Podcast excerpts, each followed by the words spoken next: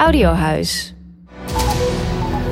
Dames en heren, goedemiddag. Zojuist komt het bericht binnen dat in een winkelcentrum in Alphen aan de Rijn meerdere mensen zijn omgekomen bij een schietpartij. Zeven doden en negen gewonden. Dat is het vreselijke resultaat van de schietpartij in winkelcentrum Ridderhof. Wat wel duidelijk is geworden is dat Tristan in elk geval al heel lang heel ernstige psychische problemen had. Wat gebeurt daar nou toch? Dit is verschrikkelijk. Er liggen mensen op de grond. Wat begonnen is als een prachtige dag, is geëindigd in een vreselijk drama. Rotterdam is opgeschrikt door een tweetal schietincidenten. Op beide locaties zijn er doden gevallen. Kunnen instanties personen met psychische problemen zo in de gaten houden dat drama's als deze voorkomen kunnen worden? MH17, de polder- en mokromafia, terroristische aanslagen, de Hells Angels. Iedereen hoort erover in de media. Maar wat gebeurde er achter de schermen? Wij zijn de True Crime Pros. Marcel van de Ven, oud undercover agent en ik, Sean Pel, oud forensisch regisseur. We nemen je mee in de zaken waar wij bij waren. Elke aflevering geven je een inkijkje die de media je niet geven. We vertellen je hoe wij te werk zijn gegaan, welke lessen we hieruit hebben getrokken en wat dit voor ons als mens heeft betekend. Dit is aflevering 6, Lone Wolves. Aflevering 6 alweer, eh, vriend. Ja, Begin je al een beetje thuis te voelen in de wereld van de podcast? in de wereld van de podcast is ook weer een bijzondere wereld. Hè? En dan worden we ook nog pro, staat er in de titel. Daar moet ik wel af en toe een beetje om lachen. Ja, maar, dat Maar ik voel me nog geen pro. Nee, maar dat pro dat is, is erin gekomen door jou. Jij wilde met alle geweld het woord pro erin hebben, toch? Of he- heb ik het mis nu? Ja, je hebt het mis nu. maar eh, weet je, het- eh, langzaam eh, leren we, denk ik. Ja, nou, ik ga het ook steeds leuker vinden. Ik bedoel, Vind je het leuk aan dan? Nou, dat je je eigen verhaal kan vertellen. En als je uitgenodigd wordt, dan zijn het altijd de vragen. En hier kun je gewoon zelf de inhoud bepalen. En ik moet je eerlijk zeggen, ehm, het, het werken met jou wordt ook steeds leuker hoor. Nou ja, ja, we moeten even aan elkaar wennen. Beetje snuffelen. maar goed, aflevering 6. En er komen best wel zware onderwerpen voorbij, hè, vind ik. Eh, vandaag gaan we het hebben over de lone wolves. Solo-terroristen, zo noemen ze ze ook wel. Ja, dat is het, ja, de schietpartij in het winkelcentrum bij Alfa aan de Rijn.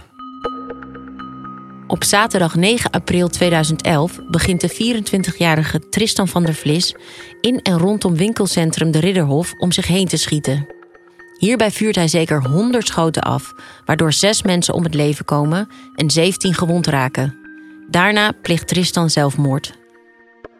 Dat was natuurlijk ontzettend. Ja, wat een impact heeft dat gehad ook op Nederland. Volgens mij was dat zo ontzettend groot en nieuw wat daar eh, gebeurde. Maar jij bent daar eh, aan te plaatsen geweest, hè? Exact, namens het eh, landelijk team forensische opsporing. Ja. Want dat, daar gaf jij leiding aan. Ja, ik was eh, een van de zes projectleiders van het landelijk team forensische opsporing. Dat team is er toen gekomen eh, op verzoek van Bennett Welter, de hoofdcommissaris toen de tijd van, eh, van Amsterdam. Om meer eh, gespecialiseerde collega's bij massieve onderzoeken bijeen te krijgen. En dan moet je je voorstellen, het landelijk team forensische opsporing viel toen de tijd onder het Korps Landelijke Politiedienst, hè, de, de KLPD. Toen de tijd nog. Bestaat uit 163 collega's, 163 specialisten. En die worden aangestuurd door zes projectleiders in het operationele veld. Ja. En ik heb tien jaar geacteerd in dat, eh, in dat team eh, namens Amsterdam. Het is gewoon een nevenfunctie. Hè. Je blijft gewoon, je blijft wie je bent in je rol. Ja, ik weet wel. Ik was, toen de tijd was ik eh, chef van de forensische opsporing in Noord-Holland. Daar waren elkaar natuurlijk ook wel tegengekomen. Maar de mensen die deel uitmaakten van het LTFO, zodra die pieper ging, of die alarmbellen aankwamen, aankwamen te staan, dan, Alles laten vallen, dan was het ook echt. Ja, Ja. ja. Ja, ja, die mensen waren zo gedreven. Het waren ook echt specialisten. Dat waren echt specialisten. Jullie zijn ingezet. Waarom zijn jullie daar ingezet? Want het is, ik snap het, een schietpartij in een winkelcentrum, maar waarom LTFO? LTFO omdat het eh, te groot is om het als een, eh, een eenheid eh, te behappen. Omdat je zit natuurlijk met, eh, met een heel massief onderzoek. Je hebt, je hebt echt heel veel collega's ervoor nodig. Als je ter plaatse komt, dan moet je dat onderzoek in stukken gaan knippen. Want als je dat met vier of zes mensen gaat aanvliegen... wat je vanuit de eenheid zou kunnen... ja, dan doe je er misschien wel acht dagen over, over het onderzoek. Het was zo groot en er waren zoveel sporen, zoveel PD's, zoveel. eh, dat- Exact. Ja, Exact. ja. Want, En- want hoe, hoe kwam de melding binnen bij jou? Nou, dat is misschien wel grappig om te vertellen. Ik was hoofdjeugdopleidingen bij eh, de mooiste voetbalclub van Nederland, de Koninklijke HFC. Zit ik in een sollicitatiegesprek met een kandidaat-trainer. Eh, altijd mijn leven lang twee telefoons bij me gehad. En in dat gesprek gaat mijn telefoon. Maar dat is niet mijn privételefoon, dat is mijn werktelefoon.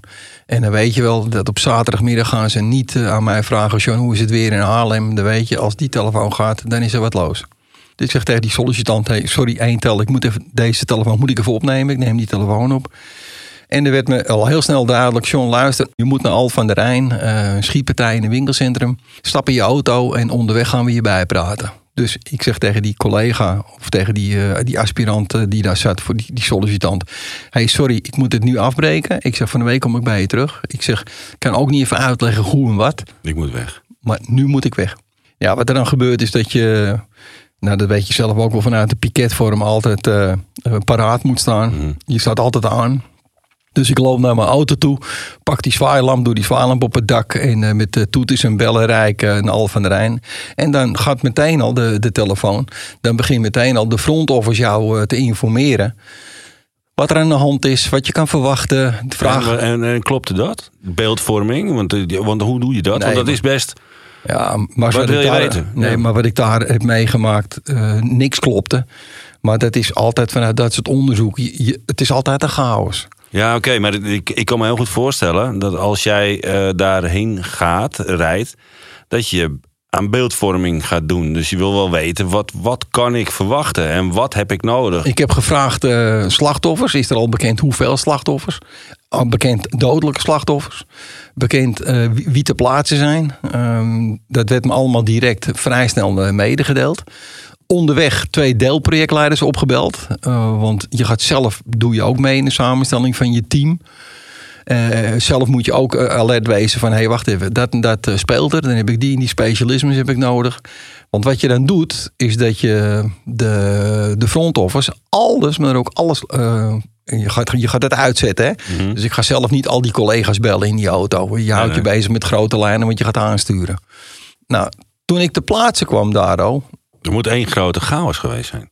Ja, maar, maar waren de, was de PD al leeg? Dan bedoel ik mee, waren de mensen, die getuigen, uh, mensen die betrokken waren, dus de niet dodelijke slachtoffers of gewonden, die waren al weg van de PD. Die waren er ook nog. Ik kwam te plaatsen en toen stonden er nog, ik denk, een stuk iets van 20 ambulances. Ik denk iets van uh, 10 uh, brandweerauto's. Ik denk iets van 40 politieauto's. Het was een groot winkelcentrum. En de, de gewonden werden nog steeds afgevoerd. Oké. Okay. De hectiek is enorm. Wat ik dan altijd heel snel ga doen, is dat ik, ik wil heel snel grip hebben op die plaatsdelict. Mm. Dus het moet heel snel moet duidelijk wezen dat de hulpverlening gaat altijd voor. Dus wat de brandweer en de GGD, de ambulance dat doet, het is allemaal prima. Levens redden. Levens redden. En op het moment dat daar de knip gemaakt wordt, dat die overgaat naar de politie, naar de opsporing. Ja dan uh, dat is mijn moment dat ik dan van de rest ook wil weten. God, wat hebben jullie op die PD gedaan? Hè? Ja. Dat ik sommige dingen nog kan verklaren.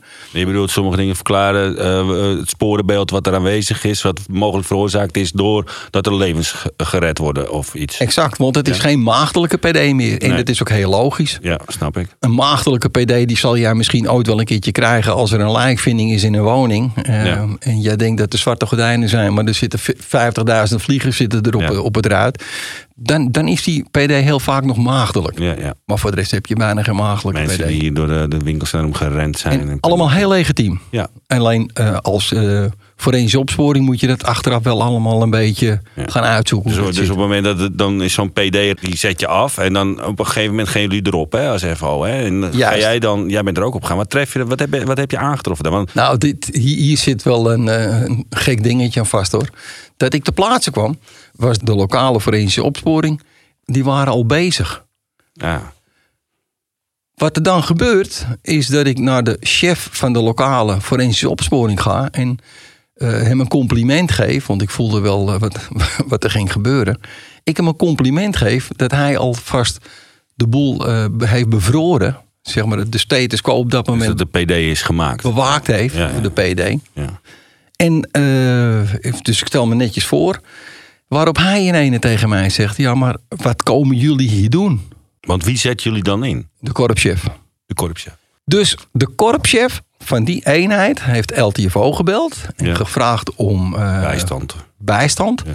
Maar bijstand is het niet, want iedereen weet als de LTFO te plaatsen komt, is het geen bijstand, maar die nemen de PD over. Ja.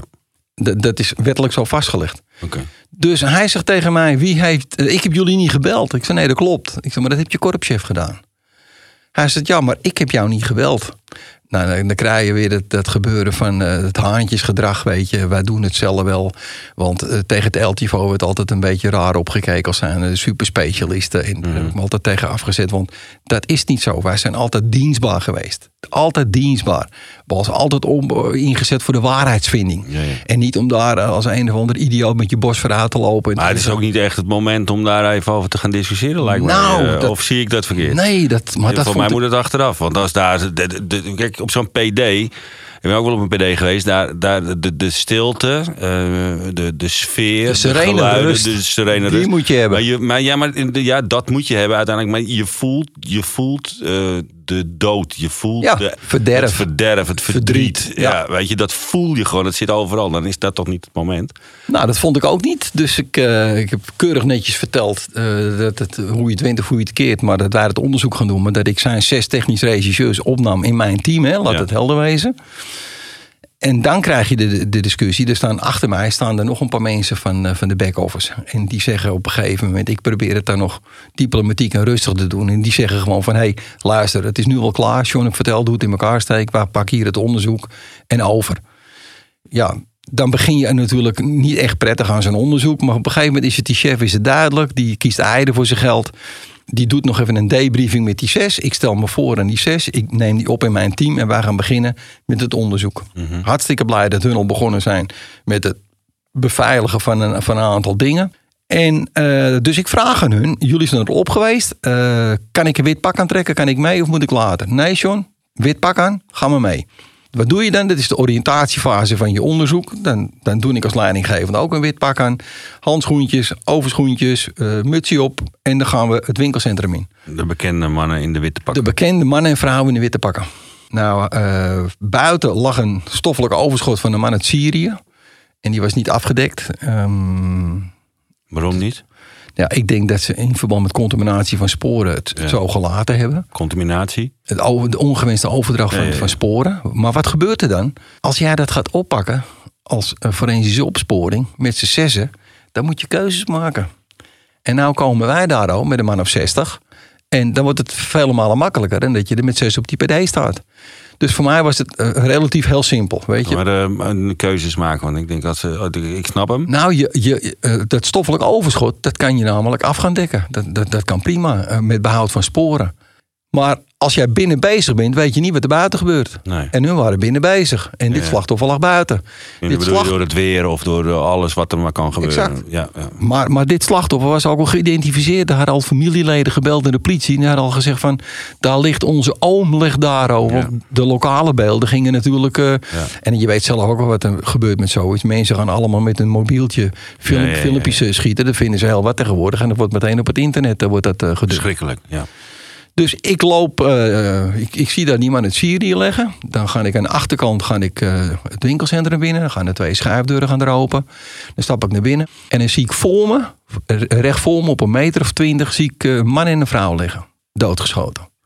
Dan kijk ik naar rechts. Daar is een viskar. Een visboer zit daar al.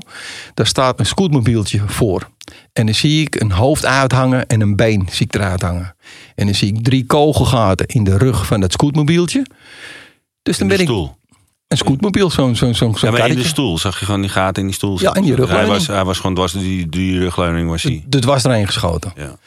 Dus dan ben ik drie minuten binnen. Dan heb ik buiten een meneer uit Syrië dood. Dan kom ik binnen en heb ik een echtpaar, of een man en een vrouw. Later bleek dat dus een echtpaar te wezen. Mhm. Dood. Hadden twee kinderen bij zich en die waren een winkel ingevlucht. Hoe oud waren die mensen? Ja, dat waren tussen de 30 en 40 jaar. Dat was, was gewoon een jong echtpaar. Die kinderen waren daar ook nog. En die, die kinderen waren al afgevoerd, want die waren de winkel ingevlucht. Dan zie ik daar ook die man bij die vis. Dus dan ben ik drie minuten binnen en heb ik vier doden. Ja. Maar wat ik toen de tijd nog voor mezelf had gehouden. Ik had toen al last van een posttraumatisch stresssyndroom. En dat heb ik al die tijd nooit te koop meegelopen en nooit wat mee willen doen. Maar toen was het wel net. Dat wist je wel. Ja, ik Je wist dat wist. PTSS was. Ja, eh, want ik, ik had jaren daarvoor een burn-out gehad. En dat was toen ook al richting PTSS. Wat er toen gebeurd is, is dat ik... Nou, toen leek het wel of die die tegels, die betonnen tegels, ja, weet je, of die van een soort nat karton waren. Ik voelde me zo erin zakken. Het lijkt wel of ik in het, in het moeras zakte. Maar ik moet leiding geven op, op die dag. Op die dag wordt van mij verwacht een topprestatie te leveren. Ik kan niet op die dag even bezig zijn met, eh, met ik. Dus op dat moment heb ik voor mezelf, eh, dat had ik al redelijk onder de knie, ademhalingsoefeningen gedaan. Mijn eigen weer even een beetje teruggebracht tot. Want ja, je kan dan moeilijk zeggen van ja, maar wacht even, dit gaat mij even te ver. Want, eh, de- want je kan niet aan jezelf denken dan. Dus we gaan door met die collega's dat winkelcentrum door. Ja, wat je dan ziet, dat schetst, jongen, dat, dat, kan je niet bevatten. Er lag al meteen een, een houder waar 25 patronen in had gezeten. Vanuit een machinepistool. Er lag een houder, een lege houder. Dan zie in al die winkels zie je altijd kogelgaten. Dwars door de ramen heen. En dus we lopen door en dan zie je een heleboel winkels met glas eruit, kogelgaten. Dan denk je, hoeveel keer moet hij wel niet geschoten hebben hier? Dan zie je schoenen liggen, dan zie je tassen liggen. Mensen die in paniek zijn weggerend en gaan Exact. vechten voor hun leven. Exact. En de, dus je ziet de beelden waarvan jij weet dat dat de beelden van chaos zijn. Ja. Ga maar na op een zaterdagmiddag in een winkelcentrum. Dan komt de gekkie komt er binnen. Die dan eh, twee eh vuistvuurwapens bij hem heeft en een machinepistool. En dan zie je al een houder liggen. En van die houder weet je dat er 25 ingezeten hebben. Ja. Dan ben je 15, 20 meter verder, kom je weer een houder tegen. Dan zit je al op 50, zijn er al 50 schoten gegaan. En dan kom ik op een, op een soort knik terecht daar. En er was een supermarkt. En vanuit die supermarkt zijn geloof ik 7, 8 of 9 gewonden gehaald. Want dan heeft hij ook naar binnen lopen schieten. Dan ga je linksaf. Dan dacht je eerst bij de visboer... gekker gaan we dit niet meemaken. Met die man in die kar, bedoel die- jij? in- Slachtoffer. Oudere man in die, in, in, in die scootmobiel. In die scootmobiel, ja. Hey, en dan maak je mee dat in een winkel ook een scootmobiel zit, staat. Dat daar een vrouw in zit. En die met een opgelegd schot door haar hoofd is afgeschoten. Ja, dan, dan gaat er hier en daar wel alles door je heen. Dus dan moet je vooral rationeel blijven. Hè? Want mijn stukje van mezelf herpak had ik al bij de deur gehad. En dan loop je door bij de Albert Heijn. Bij Albert Heijn lag hij onder de kassa. Hij had zichzelf met een, eh, een behoorlijk zwaar wapen Restande verdachte. door zijn hoofd heen geschoten. Ja, en dan loop je aan de andere kant loop je eruit en dan heb je een rondje supermarkt eh, heb je gemaakt. En dan ga je een plan van aanpak maken. En dan denk je, nou, dit is, dit is best wel heftig. Ja, ja ik, snap, ik snap helemaal. En die impact dan, hoe, hoe, ben je daar, hoe ga je daar daarmee om? Want, want ik vind het dan wel knap wat je zegt. Niet alleen wat je zegt, wat je doet op het moment dat je daar komt. Want emoties, dat is natuurlijk ook, dat vlieg je ook om je. Om je niet alleen die van jou, maar ook als je met je collega's daar loopt. Dat, dat komt wel binnen. Dat komt heel erg binnen, ja. Ja. 100%. ja. Dan pak je de, de oriëntatiefase heb je gehad. Dan haal je de ploeg bijeen. En wat ik dan altijd doe, is dat je gezamenlijk een plan van aanpak gaat maken. Je gaat niet daar als chefie vertellen, jij dit, jij dat, jij zo, jij zo. Ik kom uit de wijwereld vandaan en ik wil vooral de specialismen benutten die ik daar heb. Dus binnen de politie was ik een vreemde eend in de bijt. Want ik wilde nog wel eens dienend leiderschap toepassen. Nou ja, kijk, ik, Mas, ik snap al als je bij de ME eh, op linie staat, Ja, ja, maar dan dat kan dienend anders. leiderschap niet. Maar in de moment waar wij waren met de status quo, had in principe rustig, kon je, je kon rustig werken. Exact. Want eh, heel vervelend. Maar alles wat leefde en slachtoffer was, was afgevoerd. En alles wat bleef liggen was dood. Waren dat ook allemaal PD's die gewonden? Ik heb de, de PD's in stukken geknipt. Omdat je kan niet eh, als één team alles gaan doen. Dus de PD is toen de tijd in zes stukken geknipt. En op elk stuk hebben we vier technische regisseurs neergezet. Al naar gelang de behoefte van wat er was. Want in principe was alles heel snel duidelijk. Waar je dan wel voor op moet passen is... Ja, was dit nou een lone wolf? Een lone wolf, of eenzame wolf, is een synoniem geworden voor een persoon die in zijn eentje gewelddadige handelingen voorbereidt en uitvoert. Van de lone wolf is nauwelijks een profiel op te bouwen, maar één ding hebben ze gemeen: psychische aandoeningen. Ook toont onderzoek aan dat lone wolves vaak beïnvloed zijn door rechtsextremistische ideeën. Wisten jullie al dat het niet alleen was? Nee, maar, maar daar hou je rekening mee met, met je onderzoek. Dus het kan best wezen dat hij de uitvoerder was, maar dat het uit een organisatie of ja, een stelletje gekkies kwam. Hè? Of dat hij alleen was. Kijk, Later bleek het steeds meer en meer en meer. Waarom? Omdat toen de tactische recherche natuurlijk, als de wierenwier eh zijn begonnen met een onderzoek. Ja. En dan zie je hoe belangrijk het is dat je als techniek en tactiek een goede communicatie hebt. Dat je goed bij ge- gepraat wordt. Want dan kan je ook de vragen vanuit de tactische recherche, die naar de technische recherche komen, daar kan je meteen een antwoord op geven. Ja. En ik moet je eerlijk zeggen, dit was verschrikkelijk, hou me te goede. Maar ik bewaarde goede herinneringen aan. Met z'n allen heel goed hebben samengewerkt. En dan, ik noemde dat soort onderzoeken dan altijd gekscherend. Ik kom een beetje het voetbalwereldje. Dat we op het niveau van Champions League hebben geacteerd. Als, Moet ook wel. als team. Als Ja. team. Weet je, niet, niet als ik. Want ik, ik kan helemaal niks. Ik bedoel, ik kan het licht aandoen op het toilet aan en uit. Maar je kan een heel mooi onderzoek neerleggen met z'n allen. Ja. Dus toen we vanuit de oriëntatiefase eh, alles duidelijk werd, hebben we een plan van aanpak gemaakt. Hebben we koppeltjes, eh, eh, zes ploegjes gemaakt van vier. Elk ploegje had een deelprojectleider. Daar had ik continu had ik daar eh, overleg mee. Ja, en dan, dan onderzoek je dan alleen de slachtoffers, de dodelijke slachtoffers? Of, of, of ga je echt alle winkels door eh, op, op zoek naar, naar andere sporen nog? echt alle winkels door. Ja. En dan nou ook kijken, rekening houden dat als je een spoor ziet, hè, dat je denkt, ja, maar dit zou je niet kunnen relateren aan de schutter, maar misschien wel aan de medeverdachte. Ja, precies. Nou, dus dan kreeg je, zeg maar, eh, dat noemden ze altijd, eh, de boys, eh, de jongens en meisjes noemden dat altijd gekscherend een opa-onderzoek. Mm. Want dat vonden ze een overdreven pelactie. Ja, ja. Een opa-onderzoek. Ja, ja, ja. Maar Mas, je moet alles meenemen. Je moet alles onderzoeken. En, en, en laat dan later maar blijken dat, dat dit er niks mee te maken heeft. Dit had er niks mee te Dus maken. alles wat, wat, in, jou, wat in, in jouw ogen, of tenminste dan wat een team. spoor zou kunnen zijn, Exact. die stelde je veilig. Exact. Want, want je wilde niet achteraf hebben van nou, als ik die had gehad, had ik misschien dat had doorslaggevend kunnen zijn, bewijs of iets. Juist. Of anders. Ja. Later bleek dat het een lone wolf was. Ja. Dat bleek later pas. Dat moest het onderzoek gaan uitwijzen. Maar je gaat daar acteren alsof er ook medeverdachten zijn. Mhm. Maar waar gaat het dan om? Dan gaat het om dat je alle hulzen veilig stelt. Maar dan ook alle hulzen. In mijn belevenis is geloof ik 128 keer geschoten of zo. Want eh we hadden vijf ehm, houders uit het machinegeweer. Ehm, dus er is een, eh, een pistool leeggeschoten met 12 in de houder. En hij heeft zichzelf om het leven gebracht met een revolver. En daar was er eentje uit de cilinder. Ja, maar eh, was dat de laatste? Waren dat de laatste kogels die hij dan gebruikte? Hij, dat, eh, Voor zichzelf? met die revolver zaten er nog vijf in die cilinder. En, en één was voldoende. Daar heeft hij zichzelf mee door het hoofd geschoten. Ja. En wat er dan ook wel bijzonder is om te vernoemen. Hij schiet zichzelf bij de kassa door het hoofd. Die kogel die gaat dan door Albert Heijn door het dak. Die komt dan buiten het winkelcentrum. Die komt dan tegen een stalen spand. Die ketst dan terug. En dan vindt iemand van ons team... vindt die kogel op het dak tussen de stenen in, zeg maar. Vakmanschap. Ja, weet je, dat zijn die dingen. Dan, dan ben je trots dat je deel mag uitmaken van zo'n professioneel team. Nee, John, want dat is een PD, die is natuurlijk zo ontzettend groot. Wanneer ben je klaar? Nooit. Je bent klaar omdat je keuzes gaat maken. Je bent klaar omdat je denkt van nou oké, dan pakken we dat, dat, dat, dat. Ik heb wel onderzoeken gehad die duurden drie dagen. En dan gingen we gewoon op een gegeven moment maakten we een knip. Dan werd de plaatselijk werd beveiligd. Dan gingen de teamleden gingen naar hun mandje toe. Die gingen even slapen en die kwamen de dag daarna weer terug. Ja, maar er moet op een gegeven moment is er een moment dat je zegt: ja, ik, ben, ik ben klaar. Weet je, dit, ik heb, het onderzoek is klaar. Het forensische opsporing, forensisch onderzoek hier op de PD is Als je klaar. je plan van aanpak hebt gemaakt, Ja. dan is het klaar. Als je hem volgens het plan van aanpak hebt uitgelopen.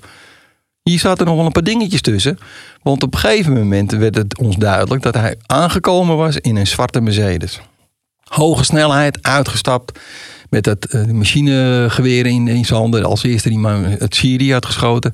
Toen wij die auto gingen onderzoeken, toen lag er daar een, eh, een, een karton bord in. En er stond op dat de auto was geboobytrapt. En er stond ook op dat de andere winkelcentrums in Alphen aan de Rijn, dat, die ook, dat daar ook bommen waren geplaatst. Dus dan moet je je voorstellen, eh, je bent op een gegeven moment bezig met je onderzoek. Dan komt die informatie komt eruit. Ja, dan moet je even een keuze maken. Nou ja, die keuze was voor mij heel makkelijk hoor. Want ik heb op dat moment gezegd, knippen alles eruit nu. En, eh, en dan krijg je, en dat heb ook ruim twee uur geduurd. Dan komen de, de explosieve specialisten komen. Dan komen de honden komen erin. Want dan wil ik het zijn veilig hebben. Maar als je die collega's over je PD laat lopen, zelfstandig, is ook niet handig. Weet je ook wat er gebeurt? Dus eh, die Dus niet deelprojectleiders. eens, niet eens eh, moet wel zeggen. Ik bedoel, zij doen ook hun, hun Zeker. specialisme, Ja. hun, hun, hun werk om, om te zorgen dat het veilig is voor jullie natuurlijk. Maar dat heeft wel consequenties voor je sporenbeeld. Exact. Ja. Nou, een deelprojectleider mee met die, eh, met die drie ploegen zeg maar, van, de, van de explosieve verkenners. Mhm. Dat heeft al met al denk ik een uurtje geduurd. Terwijl wij het, het zijn kregen van, eh, van veilig. Ja, en toen zijn we, al, eh, zijn we begonnen met deel 2 van het PD-onderzoek. En ja, dan krijg je ook allerlei dingen die zich daar gaan spelen. Want de, de, de druk is hoog. De druk van buitenaf is hoog. Waarom? Nou, er zijn slachtoffers die moeten geïdentificeerd worden. Dan hebben we binnen het LTFO hebben we een afspraak dat de slachtoffers vanaf een plaatsdelict naar het mortuarium gaan. En in het mortuarium wordt het identificatieproces gedaan. Maar Mars, ik kon dat toch niet maken. Eh, hoeveel mensen in een scootmobiel werden er vermist in Al van der Rijn? Ik bedoel, we- wisten al, al, al bijna wie het was. Er was een vrouw in een kledingwinkel. eh, die de man had al honderd keer gebeld. Dus ik nam in mijn wijsheid het besluit. Wij gaan ze hier ter plekke gaan we ze identificeren. Ja. Dat doen we niet later. We willen zo snel mogelijk naar de, naar de nabestaanden de zekerheid geven. Dan doe je later hier sporenonderzoek op het lichaam. Dus wat gebeurde er? Eh, er komen vier collega's vanuit een andere eenheid en die wilden de identificatie doen. En vroeger had je natuurlijk al een beetje, ja, laat ik het heel voorzichtig zeggen, een beetje een nijd tussen de identificatiecomponent en de ploeg vanuit de berging en die het onderzoek deden. En formeel hadden ze hartstikke gelijk, die collega's. Formeel. Die zeiden: nee, John, nou stap je af van de geëikte paden. Die identificatie vindt, vindt plaats in het mortuarium. Ik zeg: luister. Die twee mensen in een scootmobiel die worden nu vermist. Daarvan weten we al zeker wie het is. En hoe, hoe, hoe, hoe lang is er dan al overheen gegaan? Of, al- Nou, dan, deze... dan zit je, dat, ehm, ik denk een uur of acht ben je verder Ja, precies. die dag. Het is niet zo dat je na een half uur, eh, eh, maar acht uur, dan, dan wordt er wel veel duidelijk voor de nabestaanden ook. Want iedereen weet van die schietpartij. Ja, precies. Mensen komen niet thuis eh, en die zitten te wachten en die denken: hé, hey, wacht even, maar die was naar het winkelcentrum gegaan. Dus informeel wisten we al wie er vermist waren. Dus dan kan jij toch, als je bijvoorbeeld zo'n vrouw hebt en haar trouwding afdoet en er staat een inscriptie in wat de man vertelt. En de man vertelt eh, met een foto hoe zijn vrouw eruit ziet. Dan is dat wel geen 110% wat we altijd willen. Maar dan ben ik mans genoeg om daar de verantwoording voor te nemen. En dan zeg maar de identificatiedata laten doen. En dat je dat later, een dag daarna, alles nog een keertje Nog een keer echt goed, gaat doen ja, zoals ja. het moet, snap ik wel. Ja. Maar op dat moment vond ik het nodig om de druk weg te halen. Om wat te betekenen voor En de vanuit je professionaliteit kun je ook wel zeggen, denk ik, eh, eh, dat je er wel 100%, 99,9 weten we zeker dat. 99,9 dat het is. Ja, ja, Ja. begrijp ik wel. Wij beginnen dus middags aan het onderzoek daar. Toen waren we rond half drie s'nachts. Toen heb ik gezegd, jongens, we maken nu een knip. We gaan naar huis. We komen morgenochtend om negen uur komen we terug. Ik schatte in dat we ongeveer nog een uurtje of tien eh, werk nodig hadden. Waarom? Ik wilde op zondag klaar zijn met het onderzoek. Want dit was een, gewoon een nationale ramp. Alles en iedereen zat er bovenop. Dan is het heel fijn als je je werk professioneel kan doen. Ja? Maar ook rekening kan houden met de mediadruk die erop zat. Want er was, het was natuurlijk één groot gekhuis. Dus wij zijn zondagavond, ik denk om een uurtje of tien, half elf s'avonds, waren wij klaar met het onderzoek. En toen stond ik eh, daar met mijn maatje vanuit, eh, vanuit het eh, LTFO, Jos van Roo, even uit te blazen. En toen zei ik tegen Jos, ik zeg Jos, wat een achterlijk werk hebben we eigenlijk. Hè? Ja, en dan zeg je al op zaterdag, dan besluit je om naar huis te gaan. En op zondag zeg je dit tegen je collega. En dan kom je thuis. En dan? Dan zit je in de auto, begint al de verwerking en alles. En dan ga je de film ga, ga je passeren. En, en dan kom je, ik met mijn, zeg maar het begin van mijn PTSS. En dan kom ik uitgewoond, kom ik thuis. Ja. Dan ben ik emotioneel, ben ik gewoon helemaal gesloopt. Maar aan de andere kant ook heel trots dat je leiding mag geven aan zo'n team. Dat je met zoveel eh, specialistische imbecielen bezig bent. Dat je zo'n mooi product mag leveren. En dan stap je je bed in, maar ja, dat weet je ook wel. Je zit tot in je kruim met de adrenaline. Dan slaap je niet. Nee, je slaapt niet. Nee. Nee. En dan? Wat ging jij dan doen? Eh, dan word je, s ochtends word je niet wakker, want je, eh want je wakker gelegen. En dan zegt je vrouw, heb je lekker geslapen? En dan zeg je ja, natuurlijk. Want als je zegt, ja, ik heb niet geslapen, dan, dan wordt de zorg alleen maar nog groter.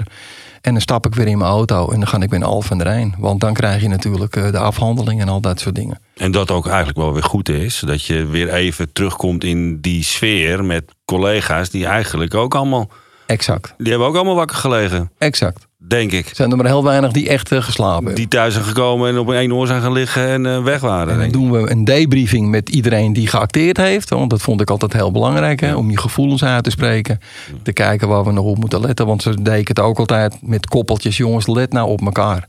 Zie, zie je wat vreemds bij je collega, wat dan ook. La- Laten we het er vooral over hebben. Ja. Een hele veilige sfeer creëren waarin iedereen kan gewoon kan zeggen wat hij denkt en wat hij voelt. Dat vond ik altijd heel belangrijk. Ja, dat is ook belangrijk. En eh, als je kijkt naar forensische opsporing, en dat vind ik natuurlijk, weet je, dat weet je dat je met de dood te maken krijgt. Want dat is Ja. eigenlijk je werk. En dan Ja. zie je soms ook nog wel weer de trots bij de rechercheurs die zeggen, ja, ik heb er geen last van, terwijl ze er wel last van hebben.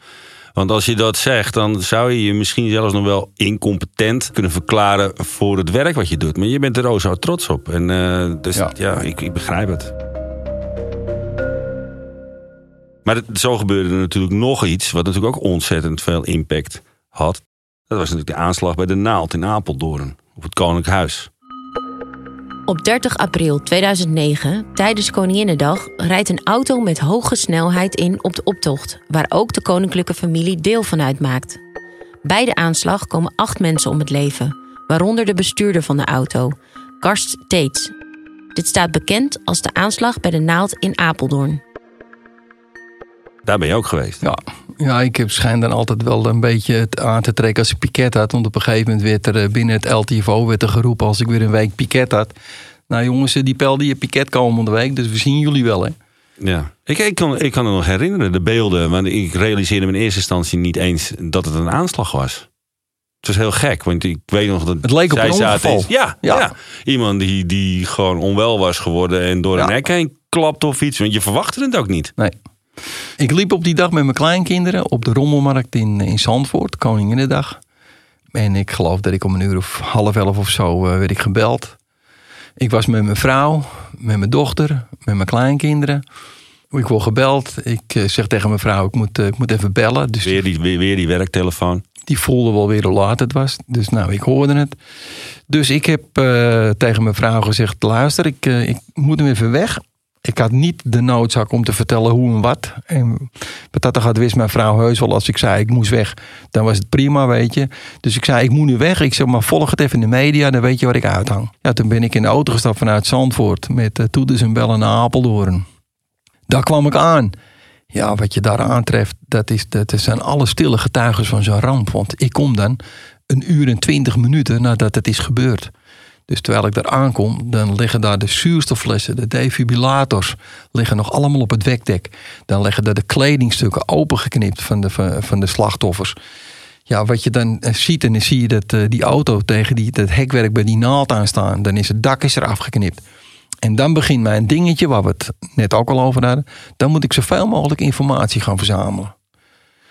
Dat kon omdat er ook heel veel beeldmateriaal was. Want ik kon al direct op die plaats delict kon ik de beelden bekijken. Want die beelden die gingen gewoon... De wereld over. De wijze van, ja, Ja. ja. Ja, Dus toen was het voor mij een kwestie om te kijken, uh, tactisch ging kijken wie die gozer was, die lone wolf. Hè. Bleek dan ook weer een lone wolf te wezen, maar dat, dat weet je niet.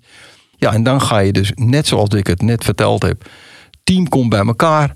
Daar was in de overdracht niks, maar ook niks aan de hand met de lokale forensische opsporing. Dat verliep allemaal gesmeerd.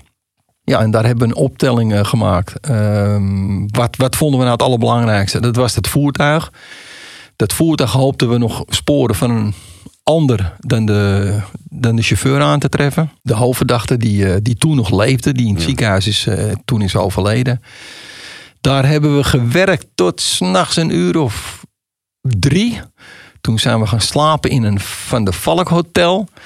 Toen wilde ik met mijn teamleden uh, even, even iets drinken. Uh, dat kon niet, want dat mocht niet gezien de, de horecatijden of zo. Want ik stond met die manager van de Valk te praten. Maar die zei tegen mij, ja maar luister, als de politie mij opdracht geeft dat de bar open moet, dan gaat de bar open. Ja. Dus daar heb ik nog een half uurtje een kaasstengeltje gegeten, een frisje gedronken, een bitterballetje gegeten. En toen zijn we met z'n allen uh, naar bed gegaan. Als heel team in een Van der Valk hotel. De volgende ochtend met z'n allen er weer uit. En als team weer terug naar de PD. Ja, en ik denk dat wij smiddags om een uur vier, half vijf, vijf uur klaar waren met het optreden daar. Dat is ook een heftige gebeurtenis. Heel veel impact natuurlijk. Maar heb, je daar, heb je daar ook nog wat van geleerd? Ik bedoel, weet je, alles wat je krijgt, je leert iedere keer weer. Heb je daar ook nog iets Nou ja, da- daar in je heb ik- rugzak gestopt. Ja, daar heb ik, heb ik persoonlijk vooral in mijn rugzak eh, gestopt. Waar ik al die tijd al mee bezig was om eh, mijn leiderschap meer en meer te ontwikkelen in dienend leiderschap. Daar heb ik echt zulke mooie dingen kunnen doen. Omdat de ploeg daar ook naar was, de mensen die acteren. Eh, als Amsterdammer sta je één achter. Als je als Amsterdammer ergens in Nederland in een politieonderzoek komt en ze horen aan je accent en dat horen ze bij mij. Oh, dat is een Amsterdammer. Dus da- dan moet je al helemaal proberen, vooral ik, om niet de, het haantje te wezen, om niet de wijsneus te wezen, om niet meteen te vertellen. oh, blablabla. Nou, en dat, dat lukte me steeds beter, hè, want mijn diplomatieke kant die werd steeds meer ontwikkeld. Dat is wat ik eh, vooral daar geleerd heb. Ja, ik heb daar fantastisch samengewerkt. Er was één heel klein dingetje. waar de toen de tijd hadden we DNA-vrije hoesen voor auto's. De lokale vervoerder kwam de auto ophalen. De auto werd afgevoerd naar het NFI. En die wilde gewoon zo met een kraan die auto beetpakken. Zo. Ik zei, ho, ho, ho, ho, vriend, wat gaan we doen? Dan zei ja, zit die auto moet toch eh, gebracht worden naar het NFI. Hier zit een heleboel bewijs op. Een heleboel sporen op die eraf moeten. Ik zei, dat kan je niet zomaar er even op gaan zetten. Er moeten geen sporen bij komen. Hij zei, ja, maar dat doen we altijd zo. Ik zei, ja, maar heb ik nog nieuws voor je. Dat gaan we vandaag even niet doen. Nee. Dus ik heb eh, de boel even opgehouden een half uurtje. Ik heb een DNA-vrij dekzeil laten komen. Eh, toen heb ik de vervoerder verteld hoe hij de auto beet kon pakken... zonder dat hij sporen bij of, of wegmaakte. Die is toen op die, eh, op die dinges gegaan, op die bak zeg maar... en zo afgevoerd naar het NFI. Want zo gedetailleerd gaat het onderzoek. Hè? Want wat je gaat doen, je gaat op microniveau die auto onderzoeken. Ja. Dus je begint met nation tape, afplakken, haren, vezels. Je houdt rekening met eh, Eh, latente sporen. En net zo makkelijk als dat ze zeggen van ja, maar John, luister nou joh, kom op. eh, heel Nederland heb kunnen zien dat het dak eraf geknipt werd en dat de collega's in die auto eh, kwamen. Tuurlijk vinden we sporen van die collega's. Ja, prima, prima. Maar wat, wat ga ik nog meer aantreffen dan? Ja. Dan hoef ik het toch niet nog meer zeg maar, te verrenoveren. Maar het is ook wel aannemelijk dat je in zo'n auto veel meer sporen aantreft. Wat doe je daar dan mee? Die, je stelt alles veilig. En dan is met onderzoek van tactiek. Dan gaan we kijken of de mensen in beeld komen. En als we zeg Gaat maar. omdraaien. Dus je gaat mensen in de Exact. auto plaatsen in plaats van de Exact. bij de mensen. En dan ga je kijken of je daar al iets van hebt, toevallig iets van hebt veiliggesteld. Ja. Ik heb menig ontvoering gehad waarbij later de vezels die van een stoel afkwamen. Hè, dus de slachtoffer verklaarde, ik werd die auto ingesleurd. Ik zat rechts achterin. Later hadden we die auto. Dat we de vezels van de kleding van de verdachte van de plek van de stoel afhaalden waar hij zou waar hij gezeten had. Zo nauw luistert dat. Ja. Alleen ik kan me voorstellen, als je tv zit te kijken en je ziet allemaal weer te pakken en je ziet alleen maar DNA brapen. Ja. Ja. dan denk je dat het onderzoek is. Maar op microniveau vindt dat plaats. Oh, Gelukkig maar. Zeker en als je gaat kijken naar de afgelopen 30 jaar hoeveel er veranderd is in die wereld van de techniek, dan is dat ongekend. Ja. Oké Marcel, eh, als je gaat kijken naar al die lone wolves, eh, dan zou ik toch nog een dingetje terug willen halen. 28 september dit jaar heeft er in Erasmus MC heeft er het een en ander plaatsgevonden met een, eh, met een verwarde student, noem ik het maar even. Die thuis de buurvrouw had doodgeschoten. Die daar een docent heeft doodgeschoten. Die de boel in de brand heeft gestoken. En die aangehouden is. Hoe kijk jij daar tegenaan? Kan je daar van tevoren wat mee doen? Loopt zo iemand al... eh, Ik hebben we ergens iets gemist? Ja, nou, ik denk, ik denk dat er aan de voorzijde natuurlijk best wel signalen zijn. Alleen dat dat dan op een bepaalde manier wordt ingeschat. Van, wordt die man gevaarlijk? En in deze wordt hij gevaarlijk. Kijk, het is natuurlijk heel moeilijk controle te krijgen en te hebben... eh, op, op lone wolves. Mensen die, die of gek zijn in hun hoofd... of een bepaalde overtuiging hebben...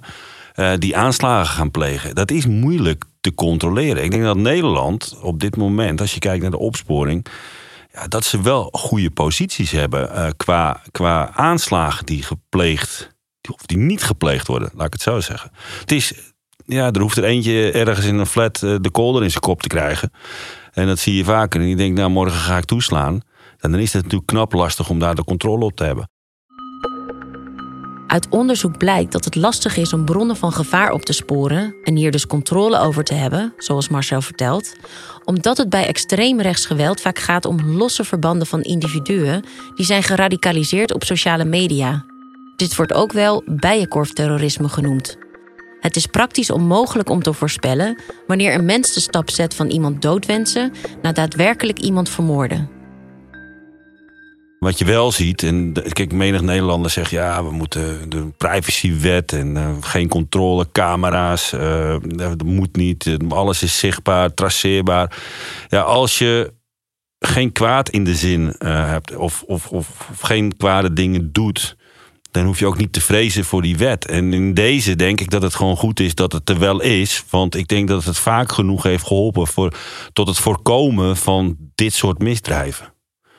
Ben ik van overtuigd. er komt een vent komt er in een trein op Centraal Station. die begint om zich heen te steken. En hij wordt direct aangehouden. En Nederland zit er bovenop. En zo hebben we nog een aantal voorbeelden. Dus Nederland... ik in Utrecht stap de tram in. In de bekende tramschutter. En heb je ook weer een, een lone wolf. Een lone wolf, ja. En, en ja, kijk, wij, dat, wij, dat ik in die periode dat ik in, in het team zat.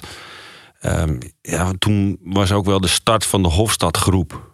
We noemden dat de Hofstadgroep. Maar de Hofstadgroep was ook wel een soort kapstok. Als je zodra je ook maar enigszins een link had met terreur, dan zat je al uh, in de Hofstadgroep, zeg maar. En daar hebben we ook wel operaties uitgevoerd op mensen waar het vermoeden was dat ze zich aan het voorbereiden waren. Uh, om, ja. ja. tot het plegen van een, van een aanslag ja. of anderszins. En, en, Nederland nam daar echt geen risico in. Op het moment dat het vermoeden daar was, ja, dan schakelden zij uh, daarop.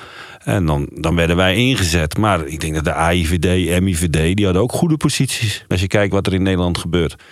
Dus ja, voorkomen doe je het nooit. Nee, nee, nooit, klopt, nooit, nooit. Klopt, klopt. En, ja, en dat blijkt me weer dat informatie en hoe ga je om met de informatie, dat dat een hele belangrijke factor is. Maar wat ook een hele belangrijke factor is, is het delen van informatie of het geven van informatie als burger zijnde. Want dat doen we vaak ook niet al. Het zal wel normaal zijn. Sommige mensen zien een ontwikkeling bij personen en melden het niet. Zonder er ooit een melding van te maken. Ja, en dan uiteindelijk gebeurt het. En dan zeggen ze, ja, ik vond al zo'n vreemde gozer. Maar ja, ik heb ja. nooit gebeld. Ja, weet je, dat, dat is ook heel belangrijk. Dat de burger toch meer gaat melden. Ik denk dat dat een hele belangrijke ontwikkeling is. Dat er toch steeds meer informatie ter beschikking komt voor dat soort diensten. In de volgende aflevering bespreken we de tragische vliegtuigramp van vlucht MH17. Een gebeurtenis waar John nauw bij betrokken is geweest en die hij nog scherp op zijn netvlies heeft staan. True Crime Pros is gemaakt door Marcel van der Ven en mijzelf, Sean Pel, in samenwerking met VBK Audiolab, Ambo Antos, uitgeverij en Audiohuis. Regie, opname en montage door Lieve Zonder. Research en studiocoördinatie Natasja Blauw. Eindredactie en voice-over Rachel van der Pol. Projectleiding werd gedaan door Pauline Reinders. Mixage en mastering door Rick Uilenbroek. Als je dit een interessante aflevering vond, laat dan een review achter. Dat helpt anderen om de podcast beter te vinden.